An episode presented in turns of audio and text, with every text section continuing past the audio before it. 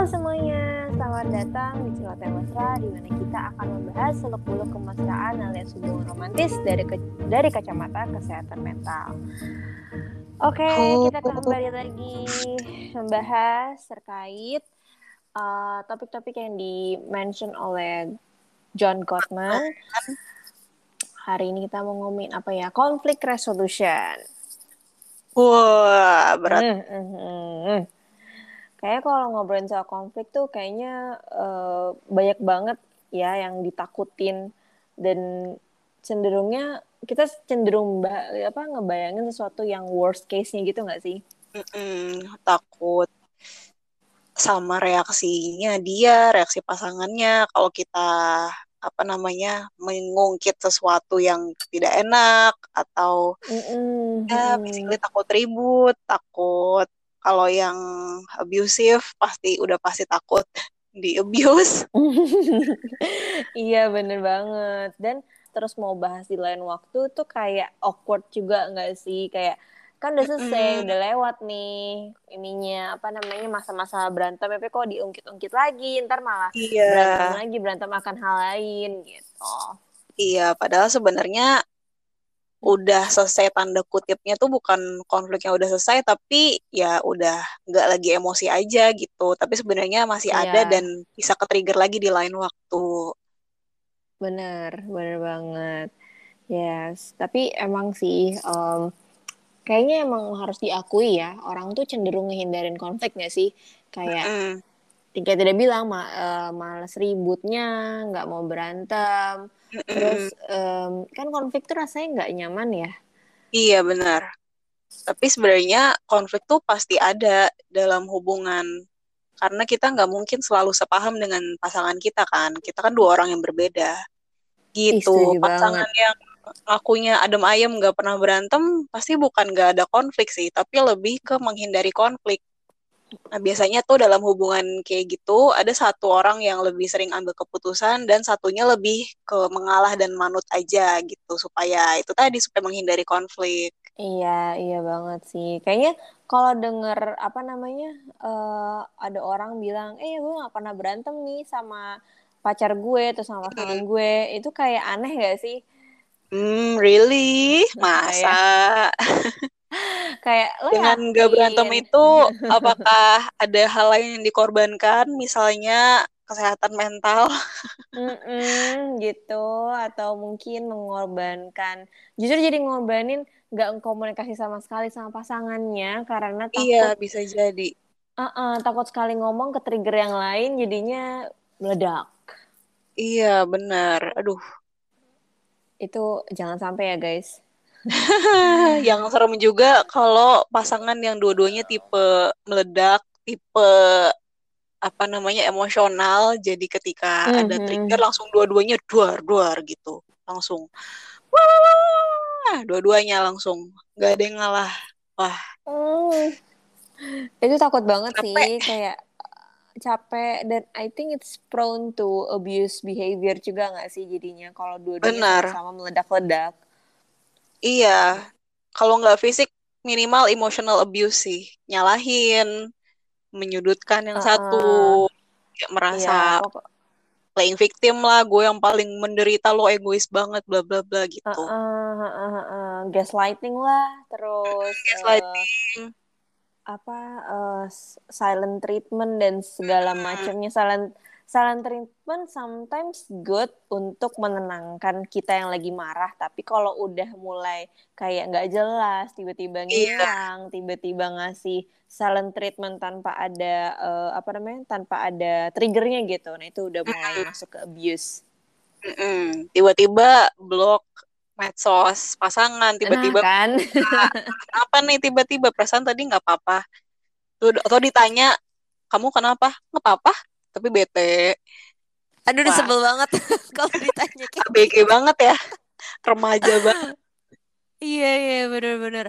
Kayak kalau misalnya tips aja nih buat teman-teman kalau misalnya teman-teman lagi berantem sama pasangan terus belum siap untuk menceritakan atau menjelaskan uh, apa sih yang sedang dipikirkan atau apa yang dirasakan, boleh banget instead of bilang nggak apa-apa, mungkin bilang kayak kayaknya aku belum siap deh untuk hari ini atau saat ini mm -hmm. untuk jelasin ke kamu. Jadi kasih aku waktu dulu ya gitu kan. Mm -hmm. Kalau kita ngomong nggak apa-apa tuh ke sana kayak oh ya udah emang nggak ada apa-apa nih fine fine mm -hmm. aja nih gitu padahal kan sebenarnya enggak jadi daripada uh, tidak dimeng, diang, apa, dianggap tidak mengerti mengerti sama mm. pasangan mm. mungkin boleh tuh dijelasin kalau emang saat ini belum siap untuk uh, apa namanya uh, jelasin kenapa kenapa lagi kena, lagi kenapa gitu mm -hmm. atau yang bilang nggak apa-apa tuh kadang suka expect pasangannya buat langsung mengerti aja uh. gue tuh kenapa gitu kayak gue tuh pengennya lo minta maaf tapi gue nggak mau kasih tahu lo salahnya apa gitu. Hmm, hmm, hmm, hmm. Again, manusia itu bukan mind reader ya guys. bukan cenai, ini bukan dukun nih. Kecuali lo pacaran sama dukun kali ya. I iya sih, iya well tetap iya, aja ya. Kali, kali kan. Iya okay. kayak jangan memblok komunikasi, tapi juga jangan berkomunikasi di saat belum siap. Betul, setuju, setuju.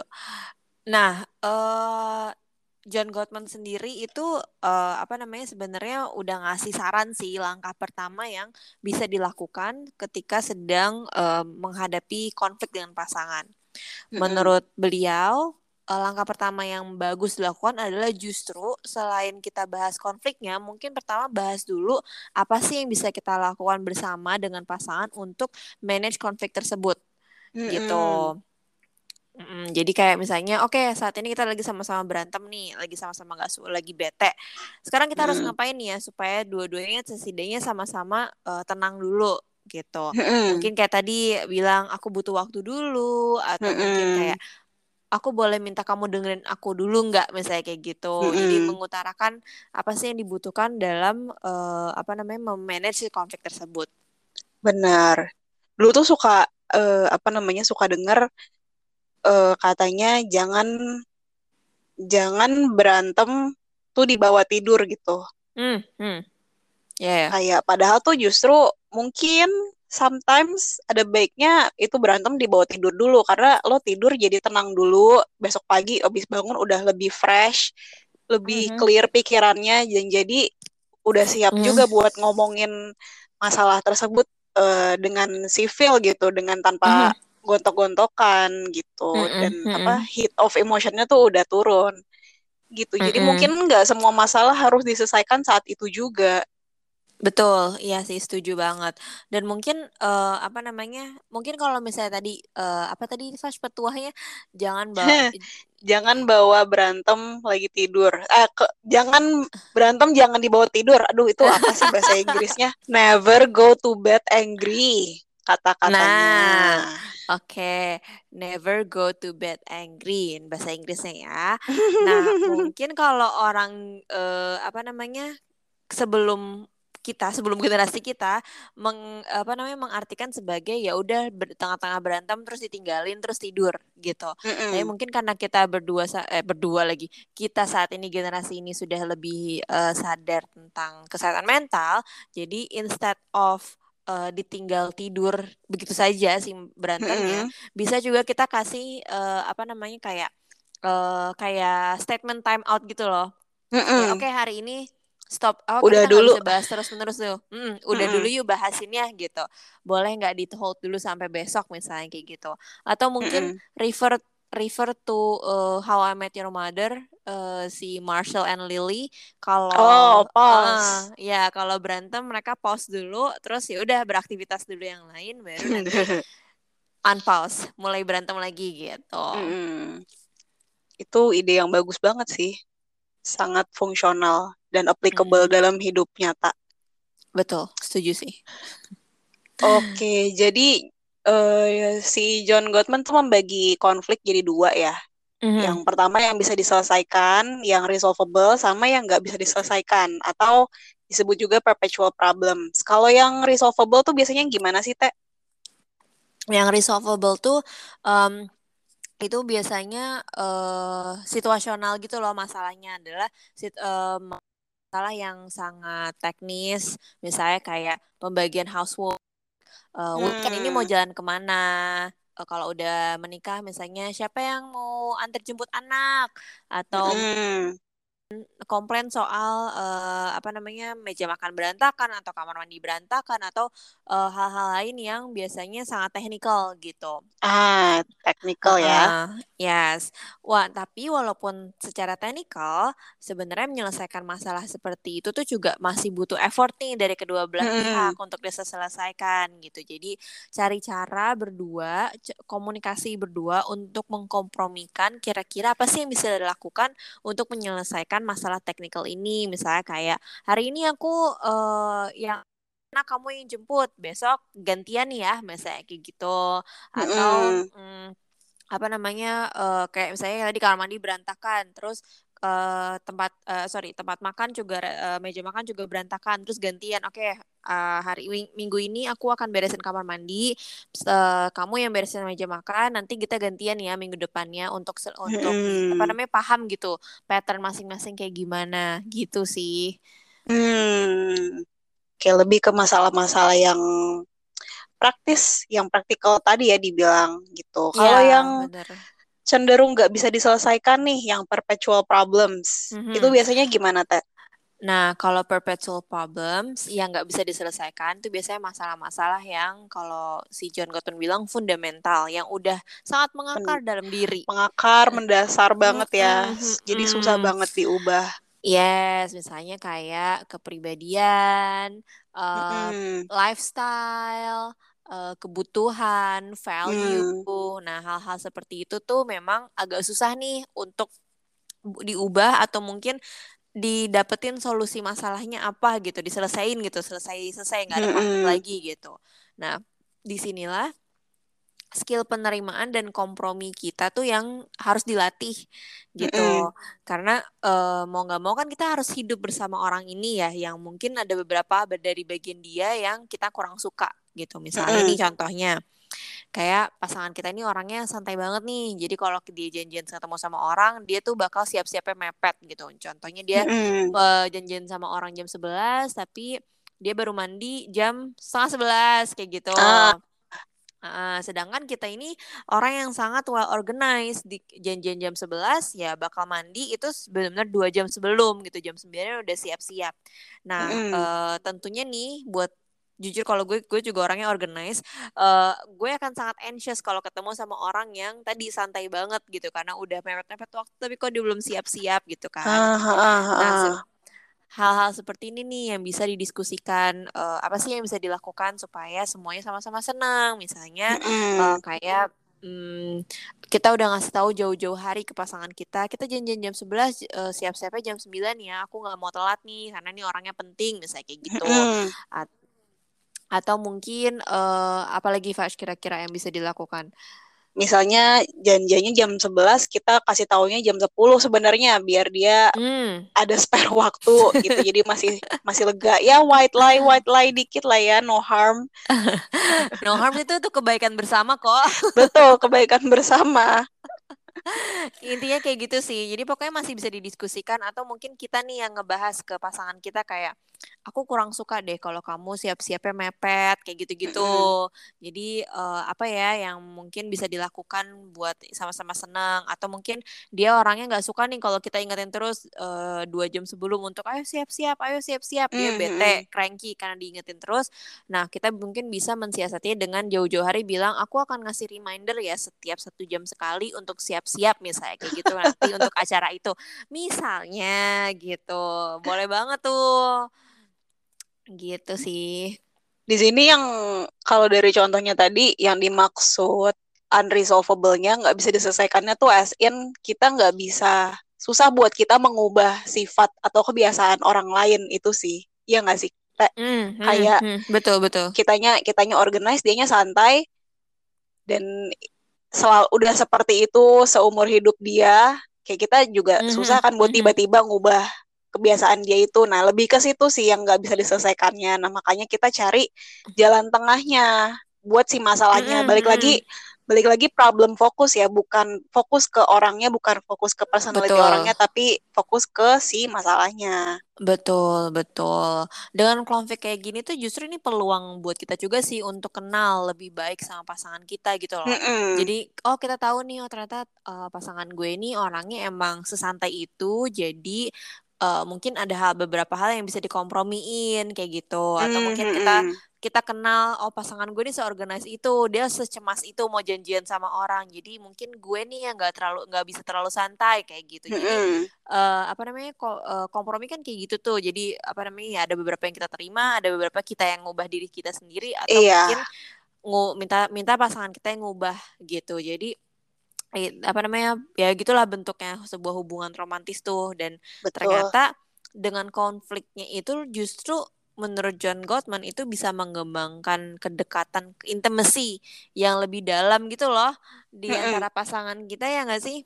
Iya karena jadi makin ngerti oh dia tuh orangnya gini oh dia tuh seperti ini karena perspektif dia kayak gini gitu mm -hmm. dan kita nggak bisa maksain perspektif kita dan ya jadi melatih kita buat semakin menerima nih orang yang kita pilih buat uh, hidup bareng kita selama mungkin gitu. Iya, setuju sih, setuju. Nah, kalau lo gimana, Fash? Ada yang mungkin mau di-share relatable nggak nih terkait konflik-konflik kayak gini nih sama pasangan hmm. lo? Kalau dari yang uh, konflik yang bisa diselesaikannya, yang resolvable-nya, paling tuh hmm. dulu waktu kuliah uh, dia tuh suka begadang ngerjain ah. tugas gitu. Jadinya besoknya kita jadi udah ada janjian nih. Terus hmm. dia ketiduran. Hmm. Itu dan itu berkali-kali, tapi kayak gue juga mau marah juga gimana karena dia pasti ngantuk gitu. Hmm. hmm. Yeah. jadi solusinya solusinya lebih ke situasi Aduh, mohon maaf. It's okay. Minum dulu. Udah nggak apa-apa. Oke. Okay. Solusinya juga lebih ke situasional sih, meskipun masalahnya sama-sama telat-telat, tapi hmm. lebih ke situasional kayak kita janjiannya jam berapa, janjiannya sama siapa, apakah kalau misalnya nyantai banget kayak cuman janjian main sama orang gitu kan, mungkin kita bisa cancel atau mungkin apa mungkin kamu mau cancel aja karena kamu masih capek banget atau mau digeser ke ntar jam berapa gitu kan. Hmm.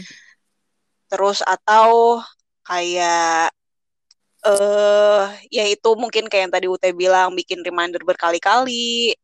Terus atau kalau nggak bangun-bangun tuh pernah gue janjian sama dia terus dia telat gak bangun-bangun akhirnya gue samperin ke kosannya gue bangunin. Gitu. Kayak ya komprominya di situ sih. Sama-sama mencari mm, jalan mm. tengah. Gitu. Mm. kalau yang masalah yang perpetual problemnya eh uh, ini tuh terkait kepribadian sih dan sifat kayak gue tuh bisa dibilang orangnya cukup romantis. Mm. uh, romantisnya tuh as in gue suka surprise. Gue tuh uh, terbiasa dengan surprise gitu loh. Kalau misalnya dikasih kado tuh ya surprise. Sementara kalau mm-hmm. dia tipenya di keluarga dia biasanya kalau ada yang ulang tahun ditanya gitu, kamu hari ini mau eh kamu ulang tahun ini maunya apa? Mm-hmm. gitu. Terus mm-hmm. ntar ke mall bareng-bareng sama orang tuanya terus belilah di situ langsung. Jadi no surprise, tapi ya memang itu sesuatu yang dia pengen gitu. Jadi cowok gue tuh jadinya takut ngasih gue surprise karena takutnya gue nggak suka sama pilihan dia gitu. Sementara gue sendiri kayak udah yakin kamu pasti tahu lah apa yang aku suka kayak apa apa pun yang kamu kasih pasti aku suka lah gitu dan gue juga kebetulan love language gue juga kan receiving gifts jadi gue sangat memvalue effortnya gitu. Jadi kayak kalau gue di, ditanya doang kamu mau apa? Udah dibeliin kayak effortnya kurang pengen lo lebih berusaha Oke, paham gitu. banget sih. Jadi komprominya ya itu kan gue nggak bisa ngubah ya, susah sih buat mm-hmm, gue ngubah. Mm-hmm. Kamu harus lebih romantis dong, lebih surprise bla bla bla. Dan dia sendiri bilang susah buat dia buat mengubah mindset dia yang udah tertanam mengakar di keluarganya itu karena dia mm-hmm. jadi cemas aduh maunya apa ntar kalau nggak suka gimana gini gitu gini gitu gitu jadi Lama overthinking banget. ya iya jadi overthinking gitu jadinya eh uh, kita sepakat buat kalau misalnya gue yang mau ultah gue kasih list aja deh uh, apa aja hmm. yang gue pengen atau gue butuhin nah dia pilih dari list itu tapi nggak usah bilang ke gue hmm. apa yang dia pilih jadi semi surprise setengah surprise gitu ya setidaknya meet in the middle sih itu komprominya nggak iya, sih benar gitu sih kalau gue kalau lo gimana hmm. teh Oke, okay, uh, eh, oke okay. kalau yang resolvable kalau uh buat gue itu karena gue udah menikah, jadi banyak banget nih konflik resolvable day by day gue gitu. Kayak uh. misalnya uh, apa namanya lupa naro anduk dijemur kayak Aduh, gitu. Itu masalah emak-emak banget gak sih? kayak kita tuh dari kecil emak-emak kita tuh kayak jangan taruh anduk di kasur basah, lepek bla bla bla. Nah, bau nanti. Betul. Terus kita sekarang udah jadi mama memahami concern gitu iya kan. kan. Iya kan, kayak oh my god, gue sekarang paham kenapa nyokap gue marah-marah gitu kan kayak oh wow. Oh gini toh rasanya gitu. Atau atau uh, gini, apa namanya? Gue sama uh, apa namanya?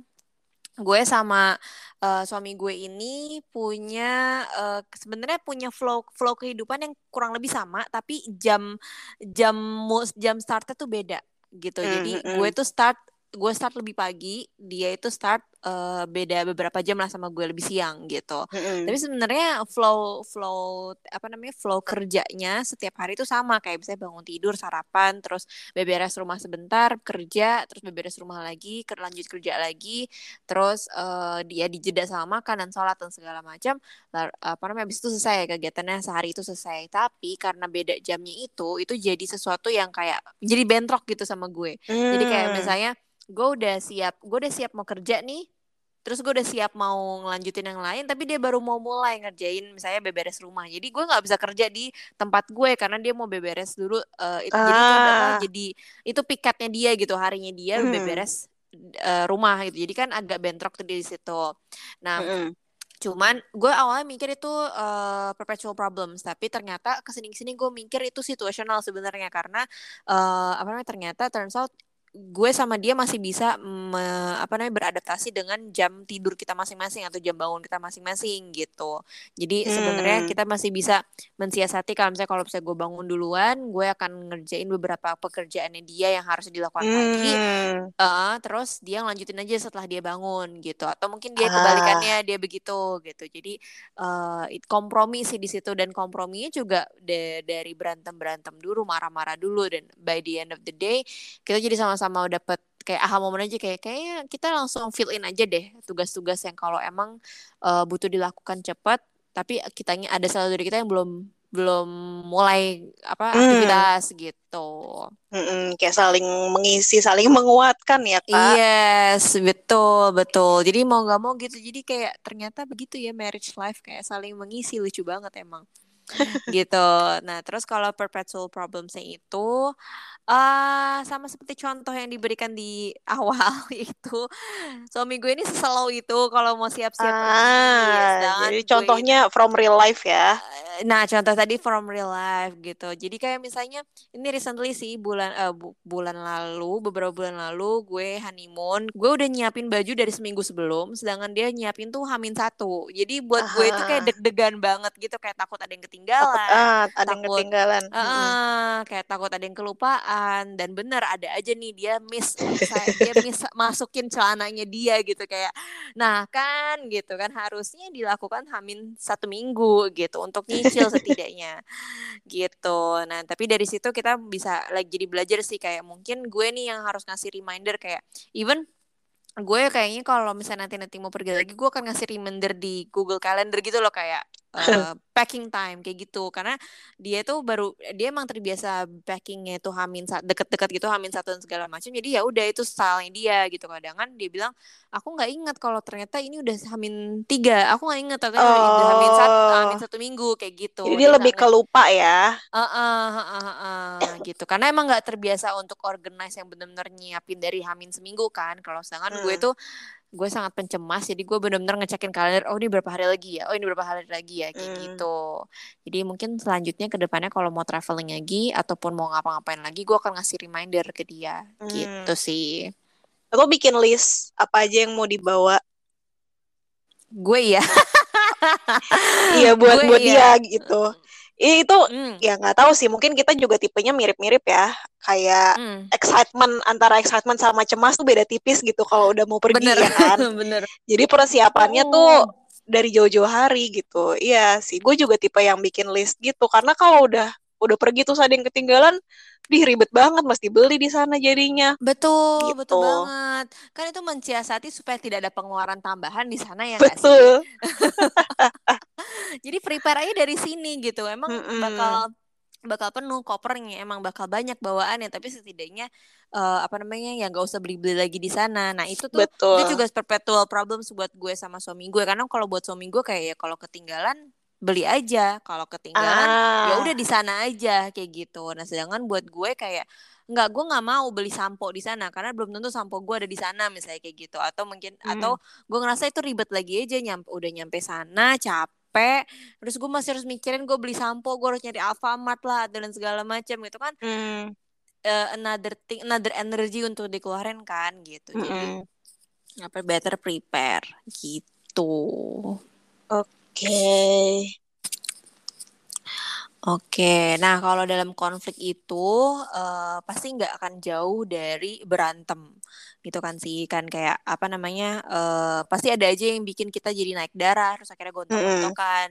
Dan sebenarnya men- menurut John Gottman juga setuju dia eh, kalau berantem itu sebenarnya wajar dan sehat. Iya, benar. Heeh. Karena sebenarnya walaupun emosinya naik naik naik banget atau mungkin jadi gontok-gontokan, setidaknya kebutuhan dan juga yang lagi dirasain dan dipikirin tuh sebenarnya keluar gitu. Betul, tersampaikan ya yang kita pengen apa. Ah, ya, tersampaikan. Tapi ya memang jadinya kadang outputnya suka nggak sehat karena yang nangkep juga lagi lagi emosi gitu kan. Jadi Iya, benar. ngerasa offended dan segala macamnya gitu. Iya, jadi sebenarnya yang bikin gak sehat tuh bukan si berantemnya, bukan konfliknya, tapi cara kita menangani konfliknya itu sendiri Hmm, gitu. yes, gitu. Kan pasti kayak yang kita udah bilang tadi ada yang berantemnya silent treatment, terus Hmm, dijutekin, dijawabnya nggak apa-apa tapi jutek atau apa mhm, namanya ya eh, gontok-gontokan, teriak-teriakan atau mhm, pakai fisik atau lempar barang yang serem-serem gitu. mhm, Nah, sebenarnya itu kita kalau mau mau berkonflik, kita nggak perlu kayak gitu sih. Kita mhm, bisa mhm, ngomong ngomong dengan kalem aja sebenarnya. Dan menurut gue setelah gue praktekkan, ngomong kalem tuh justru mem- mempermudah kita buat menyampaikan apa yang kita mau dan mempermudah kita mengerti perspektif pasangan kita mm, gitu. mm. Setuju banget sih, setuju banget. Gue juga eh, apa namanya? Ya dari nyoba itu nyoba untuk gue yang calm, gue yang nggak menggebu-gebu. Turns out itu juga malah memberikan eh, kayak apa namanya? Jadi ketransfer gitu ke orang ke lawan bicara kita untuk stay calm juga gitu. Karena Betul. Heeh, kok oh eh, apa namanya oh eh, UT ini kalau kalau lagi berantem calm banget ya oke gue juga nggak nggak enak nih rasanya kalau gontok-gontokan kayak gitu atau Mm-mm. biasanya kalau suami gue tuh eh, bilangnya gue ini kalau berantem calm iya. Tapi eh, apa namanya eh tapi lagi vibe-nya tuh bikin jadinya kayak nggak nggak tega untuk membalas dengan emosi-emosi yang meledak-ledak gitu. Makanya jadi dia ter jadi ikut dia ikutan untuk memanage untuk kayak oke tarik nafas dulu buang nafas. Oke baru disampaikan apa sih yang di pengen disampaikan kayak gitu. Mm-mm. Iya, kalau kitanya udah baik-baik tapi pasangan kita apa namanya masih kayak pengen marah, pengen galak gitu kan kesannya kayak dia yang asshole gitu ya. Orang kita udah iya baik-baik kok dia masih jahat aja sih gitu. bener bener banget nah John Gottman tuh ngasih tuh beberapa step yang bisa kita lakukan untuk manage konflik dengan baik Oh iya, pertama banget nih kalau kira-kira kita atau pasangan udah ke-trigger dan kayak udah mau marah, sebaiknya emang kita take a break dulu ya gitu. Jadi Mm. take a break itu bukan artinya kita silent treatment terus di block atau gimana, tapi lebih ke tadi yang kita udah bilang, kita ngasih tahu bahwa this is not the right time, kita butuh waktu dulu, terus kita tarik nafas, buang nafas, tenangin diri. Mm-mm. Kalau udah tenang, baru mulai omongin soal konfliknya gitu. Iya, pause dulu, pause. Tadi kata Marshall and Lee, pause dulu. Nah, nah kalau udah tenang, baru kita bisa uh, mulai ngomongin konfliknya. Oke, caranya ada beberapa stepnya sih. Caranya gini, masing-masing pasangan take turn untuk ngobrolin apa yang mereka rasakan ketika berantem soal topik tersebut. Misalnya, eh perasaannya gimana? Apakah marah, sedih, mm-hmm. merasa sendirian, mm-hmm. malu, merasa nggak diapresiasi, defensif, bingung, out of control, atau mungkin ada emosi atau perasaan lain gitu. Take turn ya, kata kuncinya mm-hmm. di sini mm-hmm. bergiliran, bukan yang take turn tuh kan jadinya kita uh, ngeluarin yang kita mau pas di giliran kita, terus pas di giliran orang lain ya kita mendengarkan, bukan kita jadi enggak pokoknya gue gitu. Betul, betul. Ini biasanya pakai I statement ya. I statement Benar, I statement. Uh, uh, mengawali kalimatnya dengan kata aku. Jadi aku merasa, merasa marah aku merasa sedih ketika kamu begini begini begini. Jadi bukan langsung kayak kamu sih, kamu tuh yang bikin aku marah nggak gitu. Mm-hmm. Kalau kita mulai dengan kata kamu, itu biasanya kita udah mulai ada nuansa-nuansa menyudutkan dan mm-hmm. itu malah jadi memicu masalah lagi. Bener, malah nambah-nambah perasaan mm. yang gak enaknya, nambah-nambah berantem gitu. Mm-hmm. Oke, okay. step keduanya gimana nah, step, step keduanya? Nah, step keduanya setelah kita menyebutkan apa sih yang kita rasakan, nah coba deh jelasin uh, bagaimana kita melihat masalah tersebut dari perspektif masing-masing. Lalu jelasin juga perspektif ter perspektif terkait apa yang terjadi ketika berantem gitu. Jadi misalnya kayak kamu ngelihat masalah tentang uh, apa namanya tadi konflik lupa uh, jemur anduk itu tuh sebenarnya mm -hmm. kayak gimana sih gitu. Lalu uh, jelasin juga perspektif kamu kenapa apa kenapa berantemnya itu jadi sesuatu yang ofensif buat kamu misalnya. Kayak oh mungkin kamu ngerasa tersudutkan dengan apa namanya pendapatnya dia ketika soal soal uh, an, apa anduk yang belum dijemur. Nah, hal-hal ini nih yang perlu mungkin disampaikan juga uh, ke pasangan kita.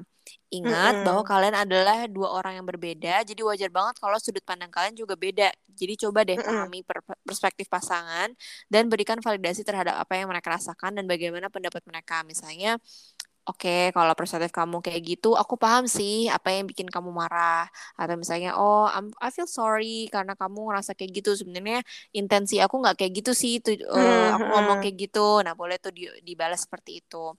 Perlu diingat juga untuk uh, apa namanya uh, validasi ini tuh sebenarnya bukan arti kamu setuju bahwa dia benar gitu, tapi Betul. lebih ke memahami bahwa oh iya ya dia yang dia rasakan itu uh, benar adanya valid karena setiap orang uh, apa namanya punya perasaan masing-masing gitu. Mm-mm.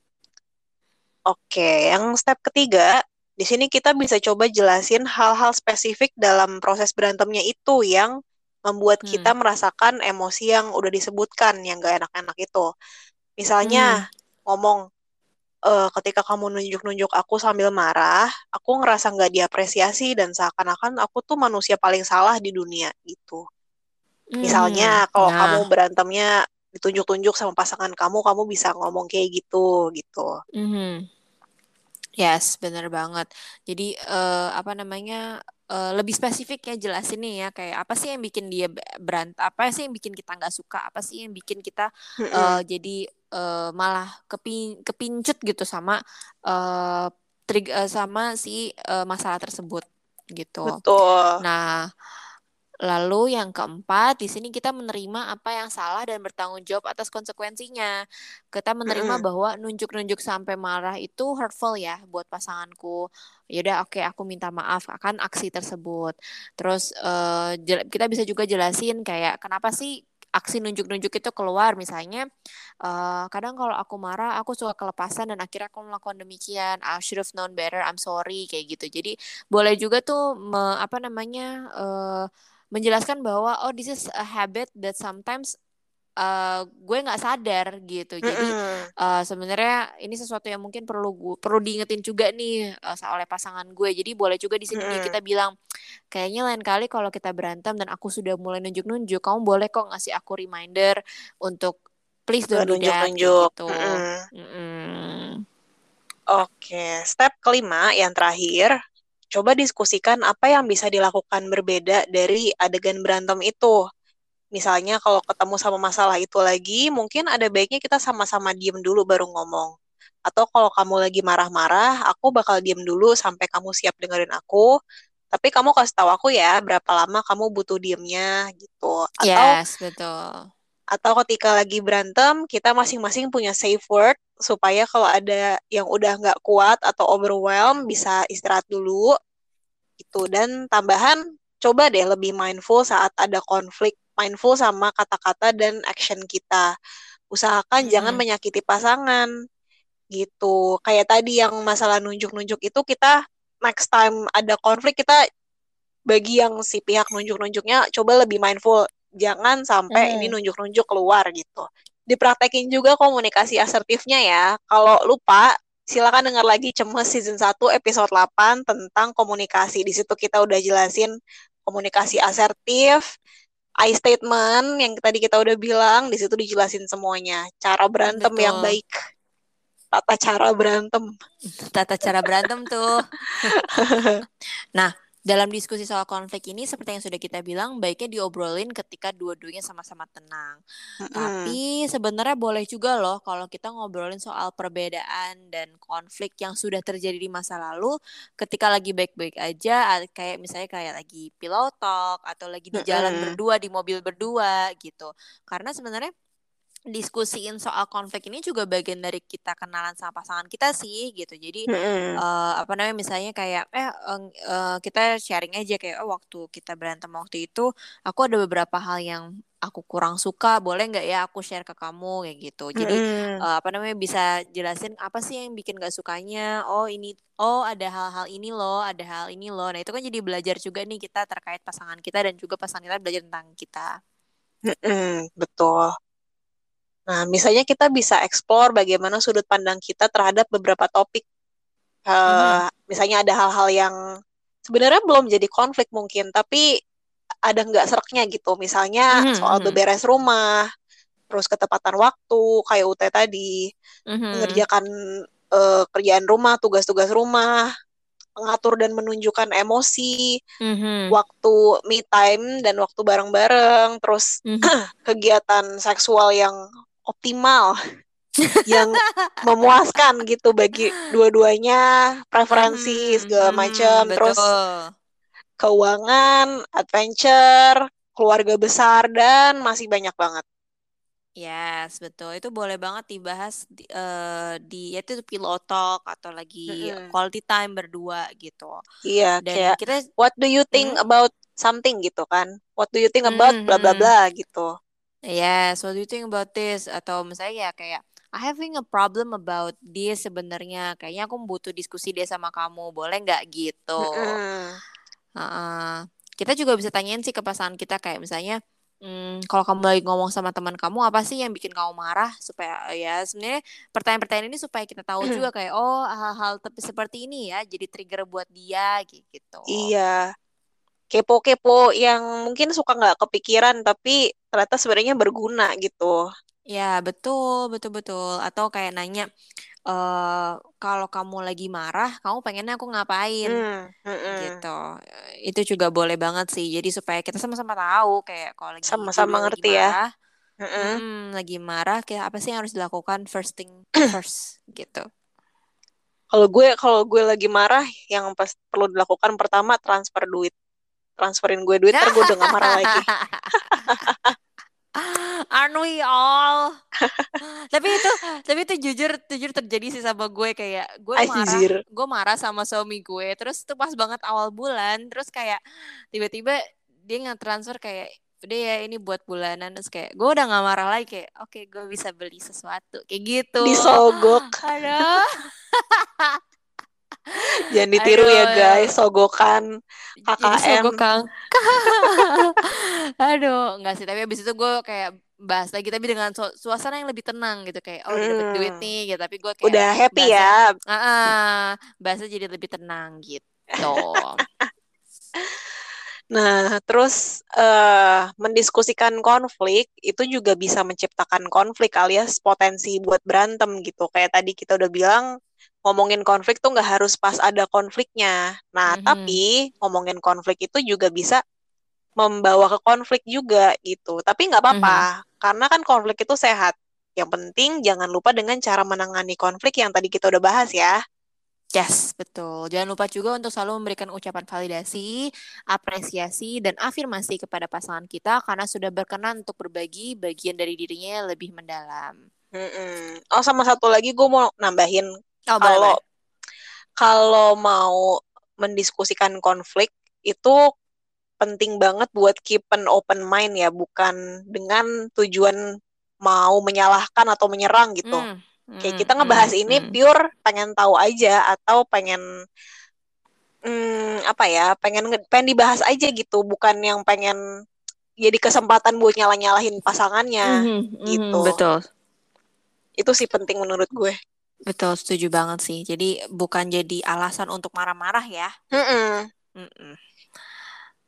Oke, okay, okay. so Sekian topik cemas episode 5 ini. Stay tune untuk episode minggu depan yaitu tentang family. Family.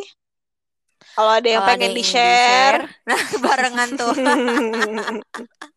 Gimana pas lanjutin? Kalau ada yang pengen di-share atau ditanyakan, bisa langsung DM IG kita di @slotehmesra. Sampai jumpa di episode berikutnya. Bye bye. Bye bye.